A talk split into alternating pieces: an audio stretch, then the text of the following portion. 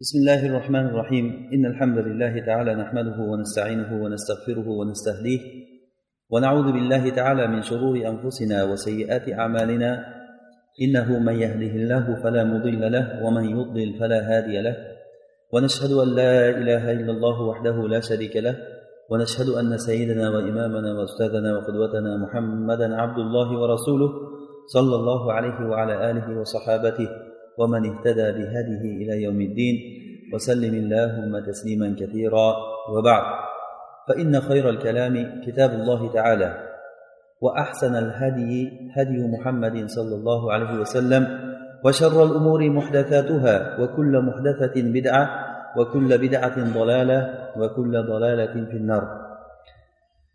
Alloh subhanava taolodan madad so'rab bugungi darsimizni davom ettiramiz.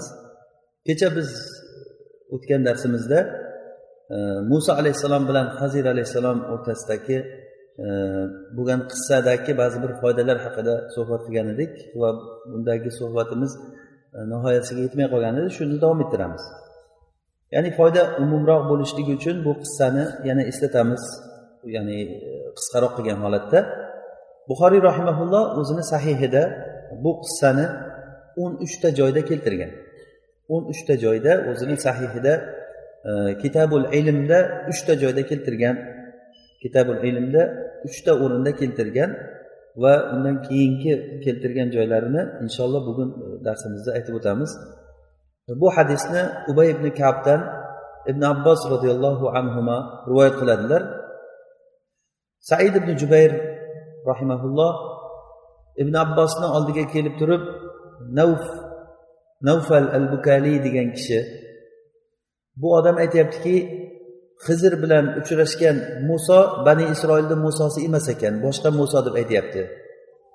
Deganda ibn abbos aytdiki ollohni dushmani bekor aytibdi degan. U ollohni dushmani u degan. O'zi aslida u kishi solih odam. Lekin solih kishiga xato gapirgan paytda ollohni dushmani u aduvulloh deyishligi bu nima bo'ladi? Bu o'ziga yarasha bir biz bilan bir mavqif inshaalloh e, bir vaqt kelsa bu haqida bu foydani gapiramiz. Ya'ni shu yerda ibn abbos roziyallohu anhu u ollohni dushmani bekor aytibdi degan gaplari. Keyin u kishi hadisni aytib ketdilar. Ubay ibn kab menga aytib berdi. Rasululloh sollallohu alayhi vasallam aytdilar bir kuni muso alayhissalom bani isroil bilan suhbatlashib o'tirdilar. Suhbat nihoyatda qiziq bo'ldi. O'tirgan kishilarni ko'zlariga yosh keldi ancha ta'sirli da'vat bo'ldi. Shunda muso alayhissalom suhbatdan keyin turib ketganlarida orqasidan bir kishi ergashib bordi. Ey kalimulloh sizdan ko'ra olimroq kishi bormi yer yuzida hozir? deb so'radi. Shunda muso alayhissalom allohu alam demasdan yo'q dedilar. Chunki u kishi bilmasdilar u kishi payg'ambar ulul azm alloh taolo tarafidan u kishiga vahiy kelib turibdi. Ya'ni eng ilmli kishi menman deb o'yladilar. Ollohu alam demasdan bilmadim dedilar. Yo'q dedilar. Yana bilmayman ham demadilar yo'q dedilar. Buni alloh taolo itobladi muso alayhissalomni va aytdiki ey muso sendan ko'ra olimroq bizni bir bandamiz bor dedi. Muso alayhissalom ey robbim menga yo'l ko'rsat qanday qilib turib o'shanga men yetib boraman? deb qiziqdilar. Alloh taolo aytdiki sen o'zing bilan bir baliqni olib olgin qayerda mana shu baliqni yo'qotsang o'sha joyda shu bandani topasan degan. O'zini xizmatchisi e, yusha abdu nun bilan birgalikda u kishi savatga baliqni solib yo'lga chiqdilar suv bo'ylab. Uzoq yurdilar bir yerga borganda bir katta xarsang toshni oldiga borganlarida charchab muso alayhissalom uxlab qoldilar. E, keyin shu payti haligi baliq savatdan chiqib bir sakrab tushdidan keyin sakrab suvga tushib ketdi. O'sha suvga tushgan joyini shunday chuqur qilib turib alloh taolo belgi qilib qo'ydi. Ya'ni xuddi katta bir toshni suvga tashlasangiz suv chuqur bo'lib qolganday suvni oqishligi to'xtab qoldi. Keyin yusha nun bu holatni ko'rib turgan edi. Muso alayhissalom uxlayotganligi uchun bezovta qilmadilar uyg'onsa aytaman deganda keyin esidan chiqdi bu narsa. Muso alayhissalom turdilar yana safarni davom ettirdilar. Ketishdi yurdi yurdi shu kuni yurdilar shu kuni kechasi bilan yurdilar. Nihoyatda charchaganlaridan keyin endi bir taomlanaylik bizni ovqatimizni olib kelgin deganda esiga tushib ketdi. Menga shayton unuttiribdi biz haligi dam olgan joyimizda baliq tushib ketgan edi deganda bizga shu kerak edi o'zi. Shu baliq tushib ketgan joy kerak edi. Deb orqaga qaytdilar. Izlaridan qanday yurgan bo'lsalar o'sha izlaridan qaytib kelib shu toshni oldiga kelganlarida hizr alayhissalomni uchratdilar. Hizr alayhissalom yashil bir kiyimga o'rangan holatda edilar. Muso alayhissalom salom berganlarida hizr alayhissalom aytdilarki bu yerda salom qanday bir salom berishlik bor bu joyda. Salom berganligiga hayron bo'ldilar. Shunda muso alayhissalom aytdiki men musoman dedi. Bani isroilni musosimisan deganlarida ha dedilar. Ya'ni ibn abbosni said ibn jubayrga aytmoqchi bo'lgan joyi shu joyi. Ya'ni muso hizr bilan uchrashgan muso bani isroilni musosi emas u boshqa muso deyildiku. Ya'ni aytmoqchi bo'lgan joylari shu yerdagi bani isroilni musosimi deganda ha dedilar. Keyin muso alayhissalom men sendan ilm o'rganishligim uchun o'zingga sherik qilib turib olib yurgin ilm o'rganaman sendan deganda u kishi aytdilarki sen men bilan birga yurishlikka sabr qilolmaysan. Sen men bilan yurishlikka sabr qilolmaysan. Chunki sen men bilgan narsalarni bilmaysan dedilar. Sabr qilishlikka toqat qilolmaysan. Shunda muso alayhissalom aytdilarki inshaalloh men sabr qiluvchi bo'laman. Deganda aytdilarki agar men bilan birga yuradigan bo'lsang sharti shuki men nima qilsam ham ishimga aralashmagin. So'ramaysan. Ketdilar borib turib bir kemaga minganlarida e, kemani odamlari hizr alayhissalomni tanib qolib ollohni solih bandasi deb u kishilarni bepul kemaga mindirdilar. Shunda hizr alayhissalom kemani qo'liga bir boltani olib turib bir taxtasini urib sindirib kemani aybdor qilib qo'ydi. Muso alayhissalom bu holatni ko'rib chidolmasdan sen bizga yaxshilik qilgan odamlarga yomonlik qilib kiymasini teshib qo'yding bu nima qilganing seni? Yaxshilikka yomonlik bilan javob beryapsan. Deganda aytdimku sen sabr qilolmaysan deb deganda uzr men unutibman dedilar. Men unutibman. Endi bundan keyin so'ramayman dedilar. Tamom yana yurib ketdilar. Bir joyga borganlarida ko'p bolalar o'ynab turgan edi. Ichlarida bir nihoyatda go'zal bir bola bor edi. Kelishgan bir bola. Hizr alayhissalom shu borib shu bolani boshini uzib tashladilar kallasini ba'zi rivoyatlarda keladi yotqizib so'yib tashladi degan. Ya'ni shunday yotqizib kallasini so'yib tashladi. Bu munkar holat muso alayhissalomga juda qattiq botdi. Bu nima qilganing? Hech gunoh qilmagan yosh bolani o'ldirding. Sen juda munkar ishni qilding hozir. Deganlarida aytdimku senga sabr qilolmaysan deb dedilar. Keyin muso alayhissalom aytdilarki endi bundan keyin yana bir marta so'rasam tamom meni e, ajratgin dedilar. Ikkovimiz ajralamiz bo'ldi tamom. Bir marta yana menga imkon ber dedilar. Yana yurib ketdilar bir qishloqqa borganlarida shu qishloq ahlidan taom so'radilar. Ya'ni mehmon qilishligini so'radilar ular mehmon qilishlikka unamadi bular. Keyin ular qishloqni bir chekka tarafida bir devor buzilib ketadigan bir devorni ko'rdilarda shu devorni tiklab tuzatib qo'ydilar hizr alayhissalom. Shunda muso alayhissalom yana u kishini ishlariga aralashib qishloqdan ovqat so'raganingda ovqat bermadi. Quruqdan quruqqa teginga qilmasdan bir ular bilan kelishganingda ijara qilib turib pul olarding va shu pulga bir narsa olib yer edik. Deganda hizr alayhissalom ana endi bu narsa men bilan seni o'rtamizda ajralishlik vaqti keldi. Rasululloh sollallohu alayhi vasallam aytadilar birinchisi muso alayhissalomdan unutish bo'lgan edi. Ya'ni birinchi shartni buzib qo'yganligi unutish bo'lgan edi. Ikkinchi buzganligi shart bo'lgan edi. Ya'ni shartlashib buzildi. Uchinchisi qasddan qildilar. Uchinchisi qasd. Chunki nabiyulloh ollohni payg'ambari xilof bo'lgan narsani ko'rgan paytlarida chidab turolmaydi. Hech qachon payg'ambarlarni yo'li muxolif bo'lgan shariatga teskari bo'lgan narsani ko'rsalar chidab turolmaydi. Shunda hizr alayhissalom buni nima uchun qilganligini aytib berdilar. Endi sen sabr qilolmagan narsani men bayon qilib beraman. Kemaga keladigan bo'lsak bu kema bir miskinlarni kemasi. Ular shu dengizda tirikchilik qiladilar. Ularni ortlarida bir zolim podshoh har bir yaroqli kemani urushga olib ketyapti. Men shu kemani aybdor qilib qo'yishlikni xohladim shu podsho olib ketib qolmasligi uchun. Demak bu miskinlarga yaxshilik qildimi yomonlik qildimi? Yaxshilik qildi miskinlar o'zi bilmagan holatda ularga yaxshilik qildilar. Ammo boyagi bolaga kelayotgan bo'lsak u bola o'zi kofir bo'lib yaratilingan. Alloh taolo xohladiki shu bolani jonini olishlikni agar shu bola yashaydigan bo'lsa ota onasini u e, nima yo'ldan chiqaradi ota onasini kufrga olib ketib qoladi. O'sha ota onasi kufrga ketib qolmasligi uchun alloh taolo xohladiki bu bolani vaqtliroq o'ldirib ota onasiga undan ko'ra yaxshiroq bir ne'matni berishlikni alloh taolo xohladi degan.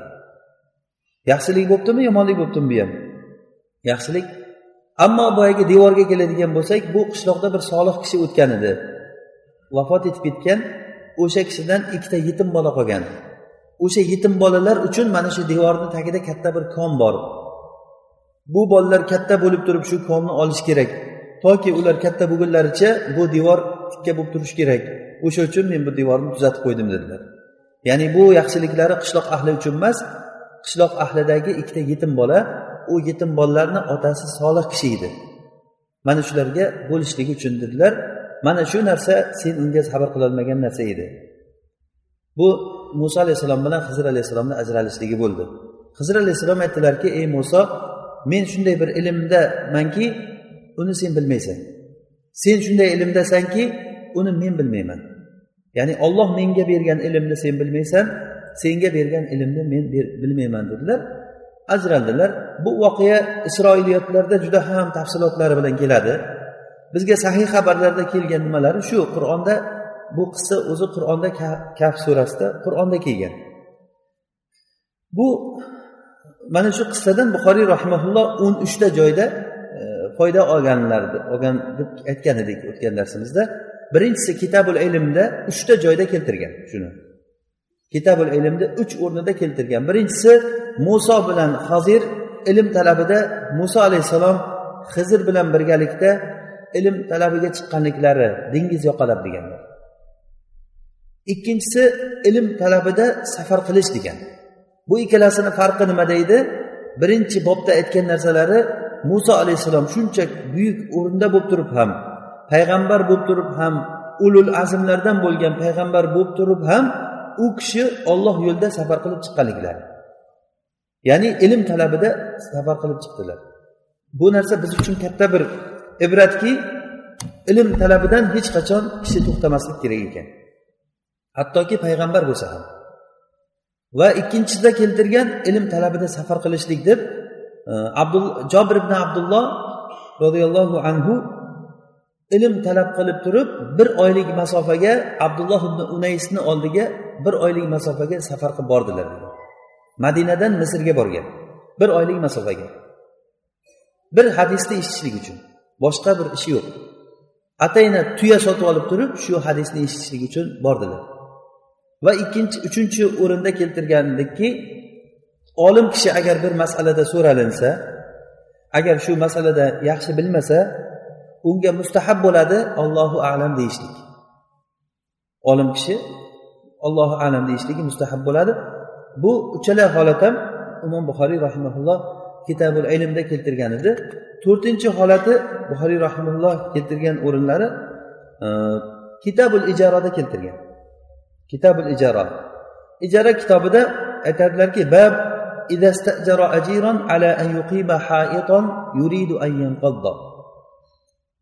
agarda bir yiqilaman deb turgan devor bo'lsa shu devorni tiklab qo'yishlik uchun bir kishini ijaraga olsa bo'ladi degan bob keltirgan. Buni bu qissani qayeridan foyda oldilar? Qissani qayerdan oldilar bu foydani?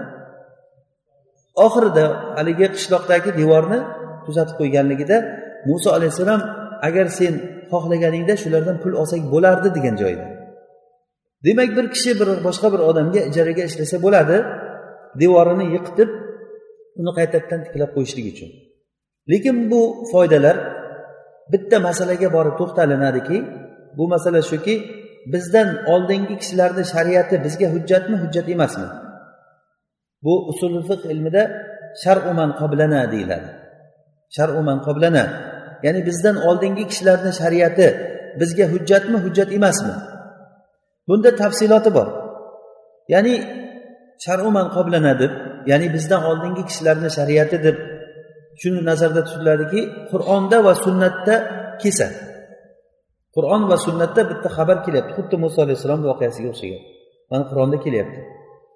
Va bizni shariatimizda bizni shariatimizda u haqda gap gapirilmagan. Boshqa shu qissadan boshqa gap gapirilmagan. Ana shu haqda gapiramiz. Sharu man degani shu. Ammo bizni shariatimizda ham uni qo'llaydigan narsa kelsa o'sha qo'llaydigan narsa bizga hujjat bo'laveradi.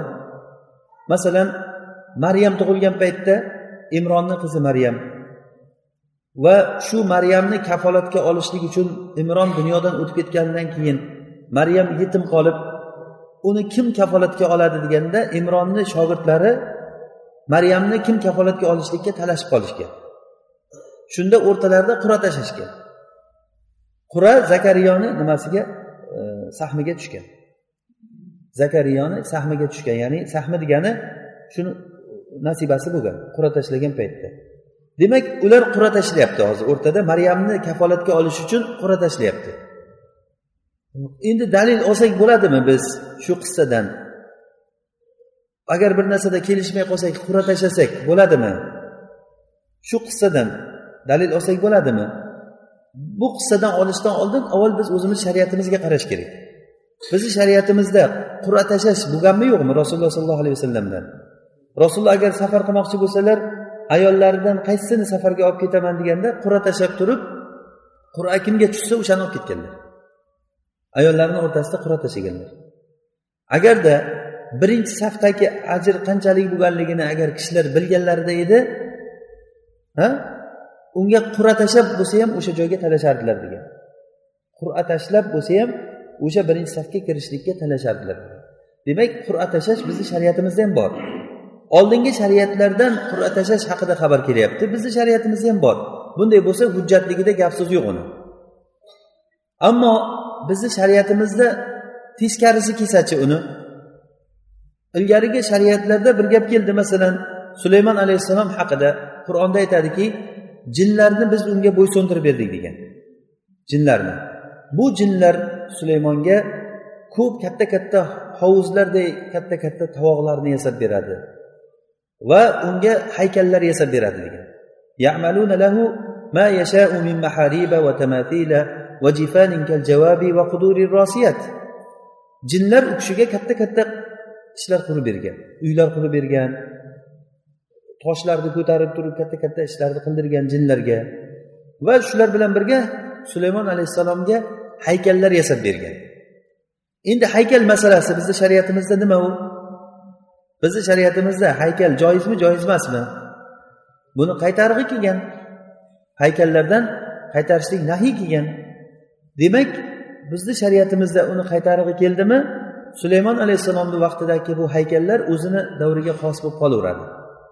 Yoki yusuf alayhissalomni akalari salom berishlik uchun u kishini hurmat qilishlik uchun sajda qildilar deb kelgan. Ya'ni faharru lahu sujjada.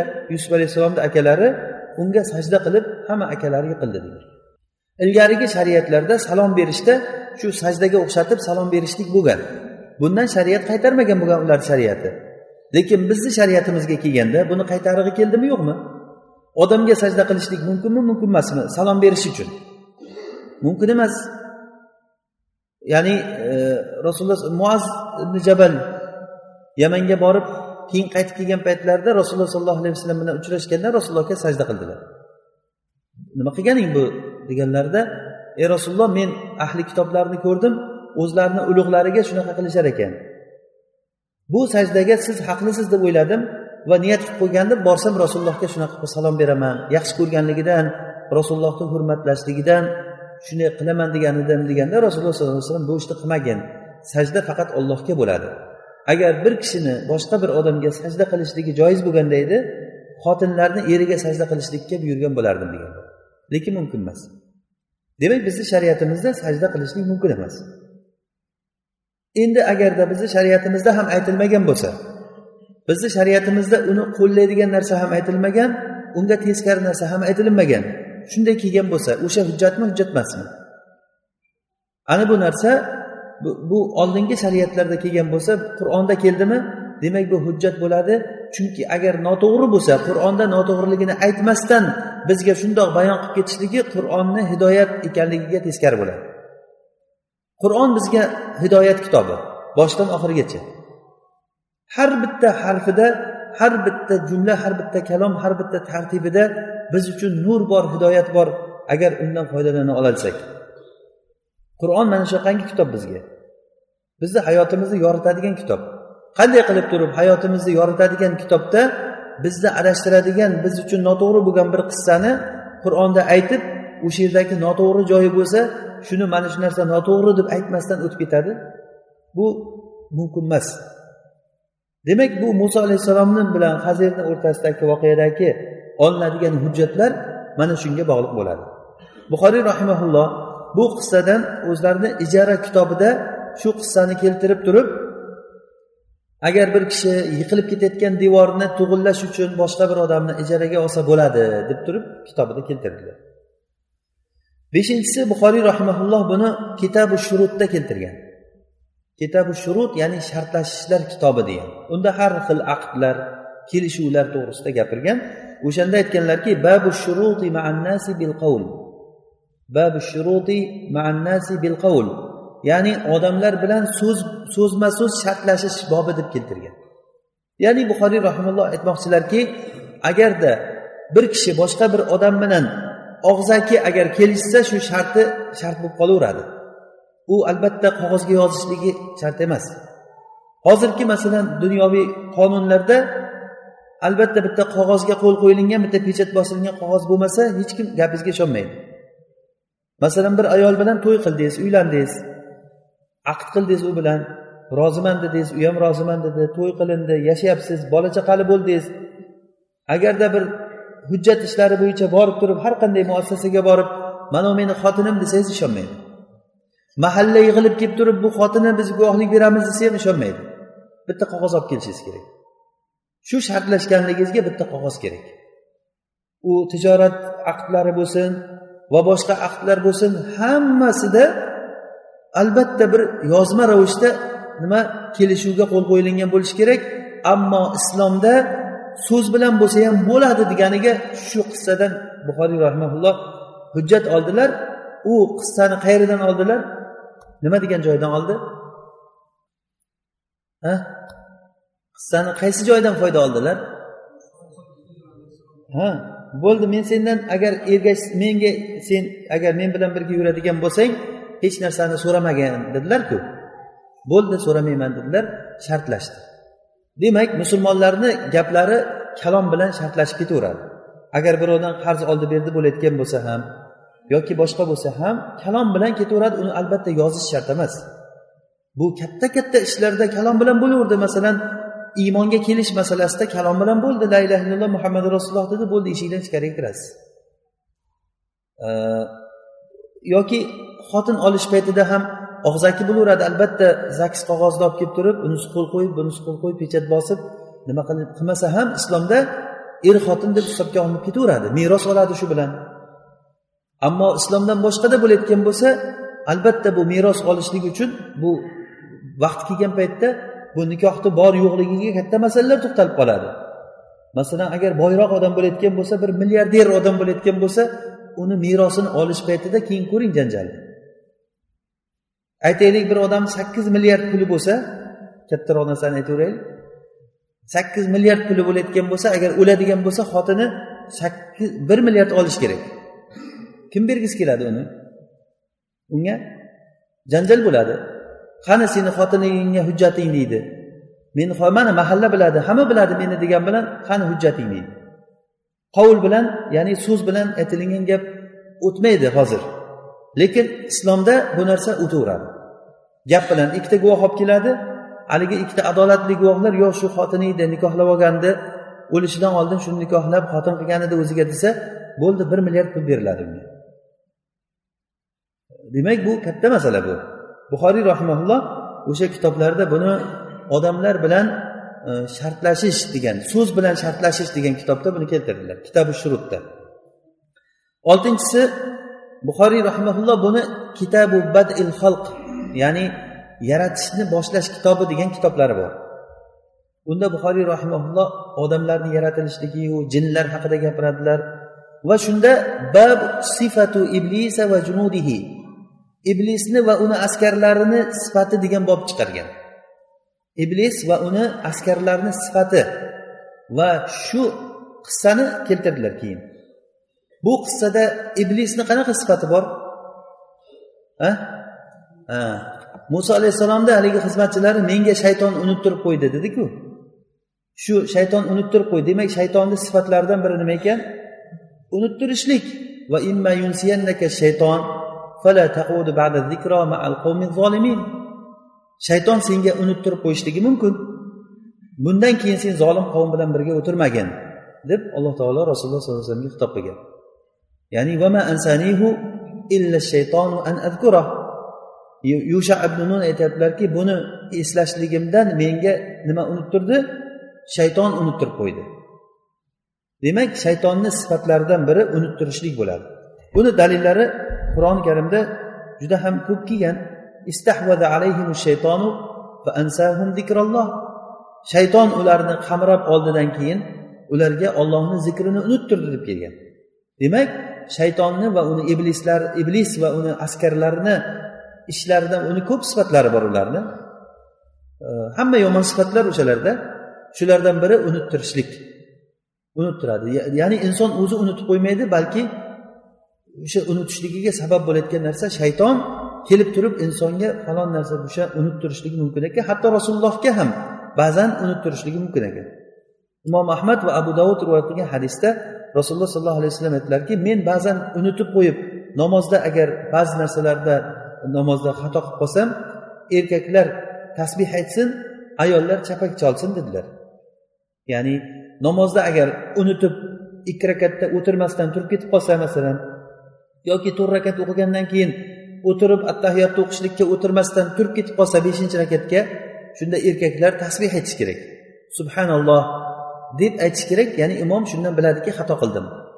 Ayollar bo'layotgan bo'lsa agar erkaklar hammasi g'ofil bo'lsa ular ham bilmay qolsa ayollar bilayotgan bo'lsa orqada nima qilish kerak ekan? Chapak cholish kerak ayollar. Ayol kishini namozda ovozi avrat ayol kishini namozda ovozi avrat namozdan tashqari avrat emas. Ya'ni bu foyda uchun ya'ni ayollarni ovozi avrat emas. Faqatgina sharti ovozini muloyim qilib kishini fitnalantiradigan qilib gapirishligi mumkin emas. Ammo telefonda bir kishi bilan gaplashsa yoki bir boshqa holatlarda gaplashsa bu avrat emas. Rasululloh sollallohu alayhi vasallamga ayollar kelib turib to'g'ridan to'g'ri gapirardi. O'sha rasulullohga u ayollar gapirgan paytda boshqa sahobalar eshitib turardi u gaplarini. Masjidlarda savol javoblar bo'lar edi. Umar ibn hattobni oldiga ayollar kelganligi abu bakrni oldiga ayollar kelganligi masalalar so'raganligi qozixonalarda boshqa joylarda mutlaq umuman ayol kishini ovozi avrat emas namozda avrat. Keyin buxoriy rahmaulloh buni e, hozir oltitasini aytdik a yettinchisi kitob ahaditil ambiya degan kitobda keltirgan. Ya'ni ambiyolarni voqealari degan payg'ambarlarni voqealari degandan keyin babu hadisi musa maa hadir musoni hizr bilan bo'lgan voqeasi deb turib shu shu hadisni keltirgan. Yana.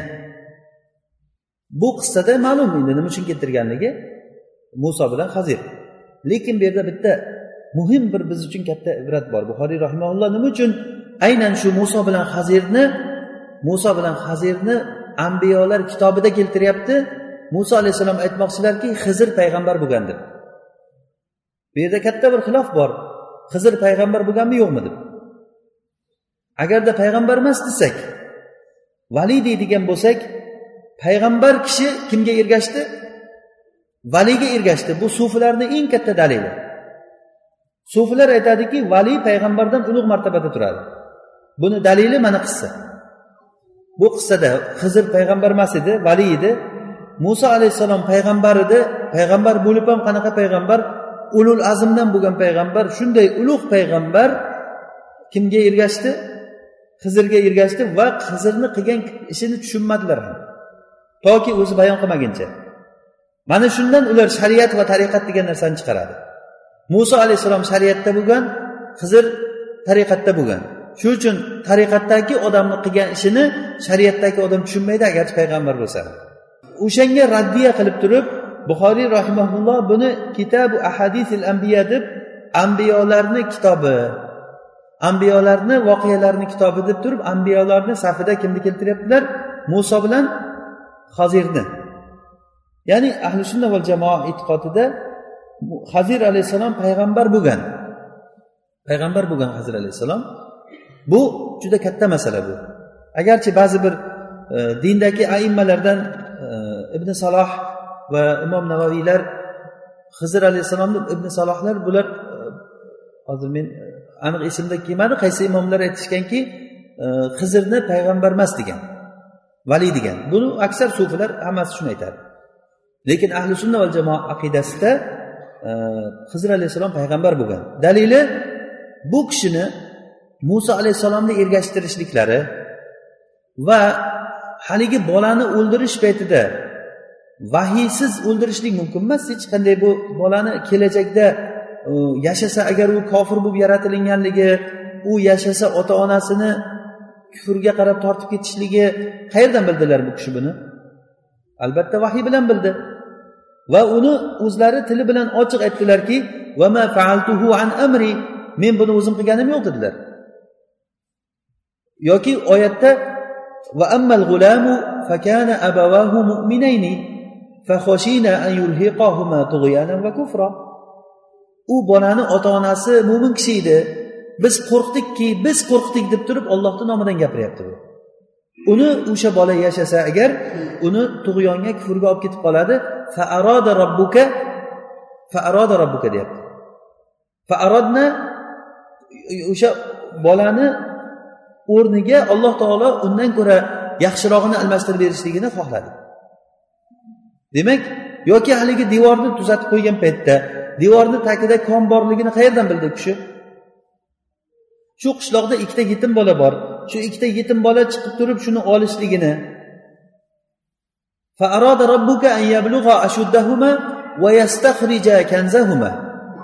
Robbing iroda qildiki ular balog'atga yetib shu o'zlariga tegishli konni chiqarib olishligini olloh xohladi deb turib ollohni xohishini kim biladi? Olloh xohladi deb kim ayta oladi? Payg'ambar bo'lsagina ayta oladi. Ya'ni bu dalillar agar shu qissani o'zida shu oyatni o'zida ochiq ochiq ishoralar kelyaptiki hizr alayhissalom payg'ambar bo'lgan. Payg'ambar bo'lgandan keyin bir payg'ambarni tutgan shariati ikkinchi payg'ambarga to'g'ri kelmasligi mumkin. Masalan muso alayhissalomni shariatidagi ba'zi narsalar bizda boshqachami? Albatta boshqacha. Iso alayhissalom shariatidagi narsalar. Agar dinimiz bir bo'lgani bilan lekin iso alayhissalom shariatidagi narsalar bizni shariatimizda boshqachami? Albatta boshqacha. Bir biridan tubidan farq qiladigan bular. Juda ko'p farq qiladi. Agarchi ba'zi narsalari birlashsa ham lekin aqida va axloq bir xil. O'zi umuman din uchta qismga bo'lib o'rgatiladi. Aqida va axloq va ahkomlar. Aqida bilan axloq o'zgarmaydi. Odam alayhissalomdan boshlab to qiyomat kunigacha aqida bitta. Ollohga ibodat qilishlik unga hech bir narsani sherik keltirmaslik insonlar ubudiyatni faqatgina olloh uchun qilishligi. Axloq bo'lsa o'sha o'sha bu axloqlar aqidadan kelib chiqadi. Masalan odam tamagirlikni yo'qotishlik bu axloq bu. Tamagirlikni yo'qotishlik qayerdan kelib chiqadi? Nimadan kelib chiqadi? Alloh taoloni boyligini bilishdan kelib chiqadi. Agar kimda kim olloh boy deb e'tiqod qilsa beruvchi ham o'zi oluvchi ham o'zi foyda beruvchi ham zarar beruvchi ham o'zi deb e'tiqod qilgan odam tamagir bo'lmaydi. Alloh taolo meni ko'rib turibdi alloh taolo hozir meni kuzatib turibdi deb iymon keltirgan odam ollohdan hayo qiladi. O'z o'zidan hayo sifati kelib chiqadi. Olloh meni tekshirib turibdi ichimdagi narsani bilib turibdi degan odam munofiqlikdan saqlanadi. Hammasi o'sha aqidaga bog'liq bo'lgan narsa. Axloq biz odob axloqdan gapirishlikdan oldin aqidadan gapirishligimiz kerak bo'ladi. Oldin inson agar robbisini qanchalik tanisa shunchalik darajada insonda axloq odob paydo bo'lib boraveradi. Va ahkomlar esa bizga rasululloh sollallohu alayhi vasallamdan va oyatlar orqali bizga ahkomlar mana buni qilgin buni qilmagin namoz o'qi ro'za tut E, namozni vaqtlari ro'zani vaqti zakot nimadan nima beramiz haj va hokazo bu hukmlar kelaveradi. Hukmlar bitta shariatni o'zida ham o'zgarib o'zgarib kelishligi mumkin. Masalan islomni boshidagi hukmlar o'zgardimi yo'qmi keyinchalik? O'zgardi. Makkadagi holat boshqacha edi. Masalan iymonni boshidagi rasululloh sollallohu alayhi vasallam payg'ambar bo'lib kelganlaridan keyin yetti yil namoz o'qishlik vojib emas edi. Namoz yo'q edi. Ro'za qachon vojib bo'ldi? Madinada hijratni ikkinchi yilida. Haj qachon vojib bo'ldi? Rasululloh dunyodan o'tishlaridan ikki yil oldin. U keyin ancha keyin zakot ham va boshqa boshqa islomda ahkomlari keyin keyin keyin bir bir vojib yoki ba'zi bir vojib bo'lgan narsalar mansux bo'lib uni o'rniga boshqa narsalar keldi. Masalan aroq ichishlik halol edi. Bir qancha payt halol bo'lib turdi. Makkada paytda o'n uch yil halol bo'lgan va undan keyin madinaga o'tganlaridan keyin bir qancha payt aroq halol bo'ldi. Keyin keyin alloh taolo buni bosqich bosqich qilib turib oxiri uni najas ekanligini harom ekanligini bayon qildi. Ya'ni aytmoqchimizki ahkomlar o'zgarib turishligi mumkin. Bir payg'ambarni davridagi shariat hukmlar boshqa bir payg'ambarni shariatidan farq qilishligi mumkin. Hatto bitta payg'ambarni shariati ham ya'ni bir vaqtdan boshqa bir vaqtga farq qiladi o'zgaradi alloh taolo o'zi xohlagan narsasini buyuradi xohlagan narsasidan qaytaradi. Buni misollari judayam ko'p hammamiz bu narsani shariatdan bilamiz. Demak e, hizr alayhissalom payg'ambar bo'lganlar. Shuni aytishlik uchun muso alayhissalom buni payg'ambarlar kitobida keltiryapti. Keyin yana bitta aqidadagi gap hizr alayhissalom tirikmi yo dunyodan o'tganmi degan masala.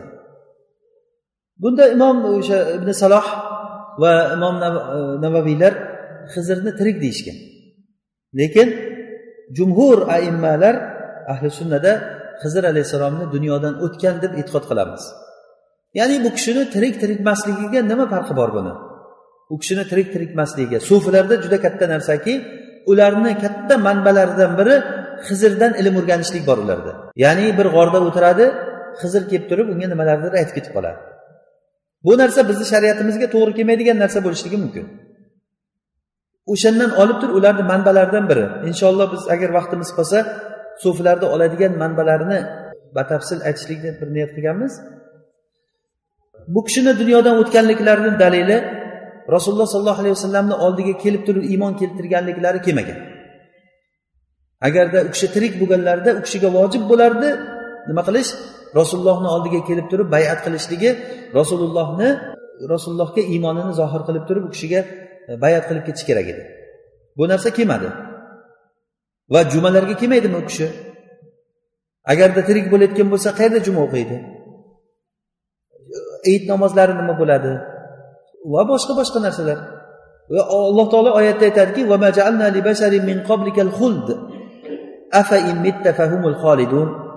sizdan oldin hech bir kishiga biz mangulikni bermadik degan rasulullohga.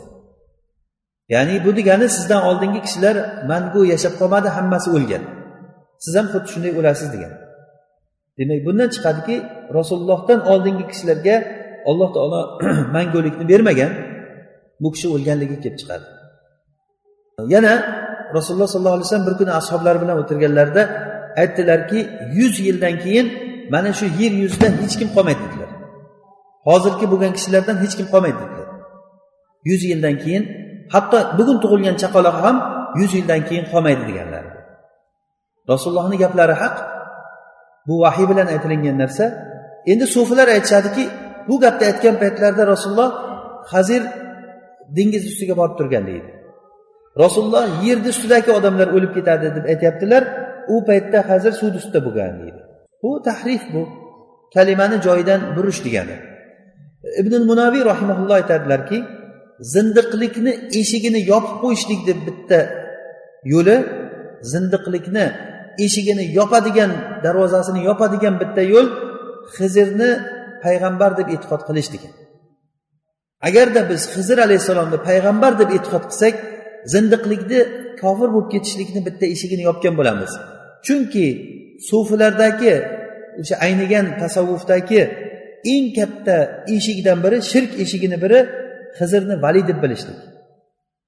Ularda valoyatni darajasi aytilingan paytda ular aytadiki risolatni nubuvvatni o'rni risolatdan yuqoriroq va viloyatdan pastroq o'rinda deb aytadi. Ya'ni nubuvatni makoni qayerda martabasi deyilsa ular aytadiki nubuvatni martabasi risolatdan teparoq va viloyatdan pastroqda deydi. Ya'ni ularni aytishi bo'yicha eng oliy martaba nima? Valiylik keyin nubuvvat keyin risolat deydi. O'sha uchun ham valiylar payg'ambarga ehtiyoji yo'q deydi. Hozirgi masalan valiylari ularni o'zlarini qo'shtirnoq ichidagi valiylari ularni payg'ambarga ehtiyoji yo'q deydi. Faqat avomlar uchun avom xalq uchun o'zlarini namoz o'qib ro'za tutib ko'rsatadi. Lekin bu ham avomlar uchun. Lekin uni muridlari bir darajaga yetib borgandan keyin uni kim ekanligini hamma muridlari bilib qolsa keyin u tamomiy o'zini haqiqiy qiyofasini ko'rsatadi va o'sha ko'rsatganligini muridlari to'la qabul qila olsa ular yetishgan bo'ladi. Bir pir bir fohisha ayolni olib kelib turib uyiga olib kirib ketganda ustidan eshikni qamagan paytda shogirdlari hammasi qarab o'tirib i taqsir nima qilyapti? deb turib hammasi yuz o'girib ketib qolgan ekan. Yuz o'girib ketib qolganda bitta shogirdi qolib turib unga suv isitib turgan ekan g'usul qilish uchun. Shunda taqsir chiqqan ekandan keyin qani sheriklaring desa ular hammasi sizdan yuz o'girib ketdi. Sen nimaga yuz o'girmading desa men sizni bekordan bekorga qilmasligingizni bilaman men. Siz bekordan bekorga qilmaysiz bu ishni deganda haqiqiy ilmga yetishgan odam sen ekansan degan. Mana bu ularni e'tiqodi. Har qanaqangi bir buzuq ishlarni shulardan ko'ring agar o'zlarini piri agar har qanaqangi buzuq ishni qilsa ham u valiy bo'lgandan keyin shariatga to'g'ri kelmaydiku bu haromku desa ha bilaman. Haromligini bu haromligi shariatda bu. Qur'onda harom degan hadisda harom degan. Bu shariatda bu. Ammo tariqatda bo'lsa uni valiy biladi. Valiy qayerdan oladi? Valiy manbasi birdan to'g'ridan to'g'ri ollohdan oladi u valiy nimani mana bu zindiqlikni eshigi bu. Mana shu eshikdan kirib shariat va tariqatga bo'lishliklari ularni. Shariat boshqa narsa tariqat boshqa narsa dedimi? Tamom. Bu odam o'sha haligi chorrahada bu yoq tomonga qarab yurdi islom yo'lidan ko'ra yurmatdan keyin bu bu yo'ldan yurdi degan. Tamom bu yoqqa qarab ketdi degan. Har qancha yomonlik har qancha fujurni topavering yahudu nasorolar ularni oldida ancha yaxshi bo'lib qoladi. Chunki yahud nasorolar payg'ambarni tan oladi. Ular ahli kitob ahli kitob bo'lib turib ularda yaxshiliklar tomonlari borligi uchun ham ularni so'ygan jonliqlarni yesa bo'ladi ularni ayollariga uylansa bo'ladi taomlarni yesa bo'ladi nima uchun? Ularda bir tuturug'i bor joylari bor ularni ammo bularda bo'layotgan bo'lsa dinni tagidan bolta urish emas tomiri bilan kovlab tashlagan. Din tamomiy darajada yo'q. Mana bu narsa zindiqlikni katta bir eshigi. Inshaalloh agar vaqtimiz oshib qolsa shu haqda e, ozroq to'xtalinamiz ularni usullari haqida ularni e, shu tasavvuf ahlini usullari haqida gapiramiz.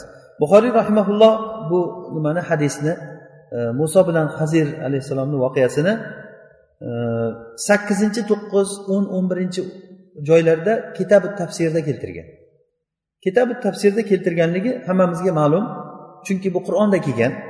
Qur'onda kelgandan keyin buxoriy rahimaulloh sahih kitobida buxoriyda kitabi tafsir degan joyi bor. Unda ba'zi bir qur'onni boshdan oxirigacha tafsir qilib chiqmaydilar. Ya'ni ba'zi bir joylarini tafsirini aytib o'tadilar. O'shandan to'rtta o'rinda shu hadisni keltirgan. Muso bilan hazid alayhissalom bularni voqeasini keltirgan. Va o'n ikkinchisi kitabul ayman va nuzur kitobida bab ida nazara ida hanafa nasiyan fil ayman degan bobda keltirgan. Ya'ni qasamini agar bilmay buzib qo'ysa deb. Ya'ni agar bir kishi o'zini qasamini bilmasdan buzib qo'ysa nima bo'ladi? Unga kaforat vojib bo'ladimi yo'qmi? Bu qissani qayeridan foyda oldilar u kishi? Ha. Muso alayhissalom va'da berdilarmi hizrga men sendan so'ramayman deb. Keyin va'dasida turib berdilarmi yo buzib qo'ydimi nazrini? A buzib qo'ydilar. Buzgandan keyin kaforat berdimi? Demak buxoriy rahimulloh aytmoqchilarki agarda bir kishi bir narsaga qasam ichib esidan chiqarib turib shu qasamini buzib qo'ysa kaforati yo'q degan mazhabda aytganlar. Bu albatta fuqarolar o'rtasidagi xilofiy masala. Hanafiy mazhabda agarda bir narsaga qasam ichsa shu qasamini bilmasdan buzib qo'ysa unga kaforat vojib bo'ladi. Masalan aytdiki vallohi seni uyingga qadamimni bosmayman dedi. Keyin o'zi bilmasdan turib borib qoldi yuzga. Qarasa sizni yuzda o'tiribdi. Xonis bo'ladimi qasami buzildimi buzilmadimi? Bilmasdan kelgan yerga. Buxoriy nima deyapti? Yo'q buzilmaydi deyapti. Ya'ni chunki u bilgan yo'q. Buxoriy rahimaullohni mazhablari shu. Ko'p masalalarda ya'ni bilmasa agar bilmasdan masalan e, niyat qilmasdan chunki bilmagan odamni niyati bo'lmaydi.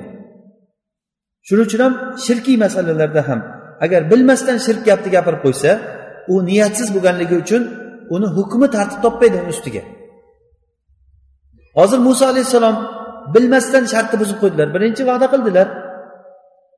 Shuning uchun ham buxoriy e, rasululloh sollallohu alayhi vasallam shu qissani davomida aytadilarki musodan birinchi bo'lgan ish unutganligidan bo'ldi ikkinchisi shart bilan bo'ldi uchinchisi ataydan bo'ldi degan. Ya'ni uchinchi holatlarda bilib turib o'zlari shartni buzganlar. Oxirgisi buxoriy rahmaulloh buni kitabi tavhidda keltirganlar. Kitabi tavhidda buni babul irodati val mashia degan bobda keltirgan. Ya'ni iroda va mashiat ya'ni olloh xohlasa degan narsa bilan aytishlik. Satajiduni inshaallohu sobiron vala asilaka amro muso alayhissalom aytyaptilarki hizr alayhissalom sen men bilan birga yurishlikka sabr qilolmaysan. Qanday qilib turib bilmagan narsangga sabr qilasan? deganda inshaalloh meni sabr qiluvchiligimni topasan deb aytyaptilar. Demak musulmon kishiga har bir ishda ollohdan madad so'rashligi inshaalloh deb aytishligi bu yerda bizga katta bir e, nima namuna bo'ladi. Demak xullas mana shu e, o'rinlar o'n uchta o'rinda buxoriy rahmaulloh bu qissani keltirgan. Yana bu agar qissadan biz foyda olayotgan bo'lsak bitmas tugalmas foydalar chiqaveradi. Bu qanchalik darajada alloh taolo sizga uni fahmini bergan bo'lsa bu qissadan foydalar chiqadi. Masalan bitta foyda. E, Hizr alayhissalom muso alayhissalomga aytgan gaplariki sen men bilan birga yurishlikka sabr qilolmaysan degan gaplari. Yo'q men sabr qilaman. Degandan chiqadiki ustoz o'zini shogirdini kuchiga qarab turib ilm o'rgatishlikka kelib chiqadi. Chunki muso alayhissalomni holatini bilyaptilar. Chunki muso payg'ambar bo'lgandan keyin o'zini uni shariati bo'lgandan keyin uni qo'lida halol harom degan dustur bo'lgandan keyin shu dusturga to'g'ri kelmasa kim bo'lishidan qat'iy nazar qaytaradi uni? Hech qachon payg'ambar odam o'ldirilgan paytda indamay qarab turavermaydi. Noto'g'rimi? Muso alayhissalom shariati bo'yicha bu? Albatta uni noto'g'riligini aytadi. Demak ustoz agar o'zini shogirdini quvvati yetmaganligini ko'rsa bu narsaga albatta u narsani bayon qilishligi kerak va shogirdlariga kuchi yetadigan narsa bilan ta'lim berishligi bu olim kishini rabboniyligini bir ko'rinishi. Kunu robbaniyina bima kuntum tuallimuna kitaba va bima kuntum tadrusun oyatini bir tafsirida buni tafsiri har xil ma'nolarni aytgan ulamolar bir tafsirda aytadiki sizlar ta'lim berayotgan paytda rabboniy bo'ylar. Ya'ni ilmni sig'orini o'rganinglar kiboridan oldin. Kichik kichik ilmlarni o'rgatinglar katta ilmlardan oldin. Shuning uchun tolib ilmlarga katta bir nasihat shuki ilmni kichigini o'rganishlikka qiziqinglar. Ilmni kichigini ilmni katta kichigi bo'lmaydi o'zi aslida lekin ilmni kichigi foydali bo'ladi. Chunki siz o'sha ilmni kichigini olsangiz o'zingizda uni qabul qilib isteob qilib hammasini egallab qola olasiz ko'p gap gapirilib qancha ko'p gapirilinsa kasratul kalam yunsi ba'duha ba'don. Ko'p gap bo'lgandan keyin biri ikkinchisini unuttirib yuboradi. O'sha uchun ham masalan bir ilmni takror aytilinsa hozir masalan bugun masalan muso bilan hazirni alayhissalom bularni qissasini hozir men takror aytib berdim. O'tgangidan ko'ra bu eshitishda boshqacharoq eshitadi odam agarchi ba'zi bir qo'shimchalar qo'shsak ham lekin bu narsa takror bo'lgandan keyin albatta takror bu ma'lumotni qalbda sobit qiladi. Rasululloh sollallohu alayhi vasallamni odatlari e, doim bir gapni gapirsalar ikki martalab uch martalab takror takror aytardilar. Va gaplarni juda ham uzun gapirmaganlar. Qisqa qisqa gapirardilar rasululloh sollallohu alayhi vasallam. Qisqa gap bo'lgan va sahobalarni qiziqib turgan holatlarini topib gapirardilar.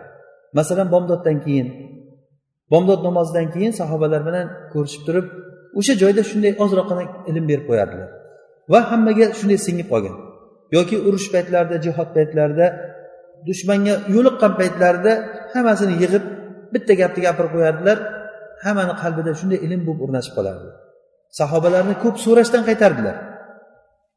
Ko'p so'ra lekin ularga kerakli narsani berdilar rasululloh sallallohu alayhi vasallam. Hattoki sahobalar so'rashdan qaytarilganligi uchun ilmga ular haris edilar. Shu harisligidan anas ibn molik aytadilar va boshqa sahobalardan ham kelgan biz havas qilib o'tirardikki bir aqlliroq arobiy odam kelsada rasulullohdan ko'p narsalarni so'rab so'rab so'rab bir narsalarni biz ham bilib olsak deydi. O'zimiz so'rashga hijolat bo'lardik chunki rasululloh sollallohu alayhi vasallam so'rashdan qaytarganliklari uchun. Ba'zi bir so'roqlarni rasululloh yomon ko'rganlar. Hattoki ba'zi bir paytlarda so'ralinganda o'sha savolni yomon ko'rganlar. Masalan bir kishi o'zini xotini bilan e, akramakumulloh agar bir ayol kishi ayolini boshqa bir erkak bilan ushlab olsa bir sahobiy kelib turib e, rasulullohdan so'rab bergani deb bir kishiga aytganki sahobiyga agarda bir odam o'zini xotinini bir to'shakda ushlab olsa bir begona erkak bilan agar o'ldiradimi nima qiladi? Agar o'ldirsa sizlar ham o'ldirsanglar uni qisos deb.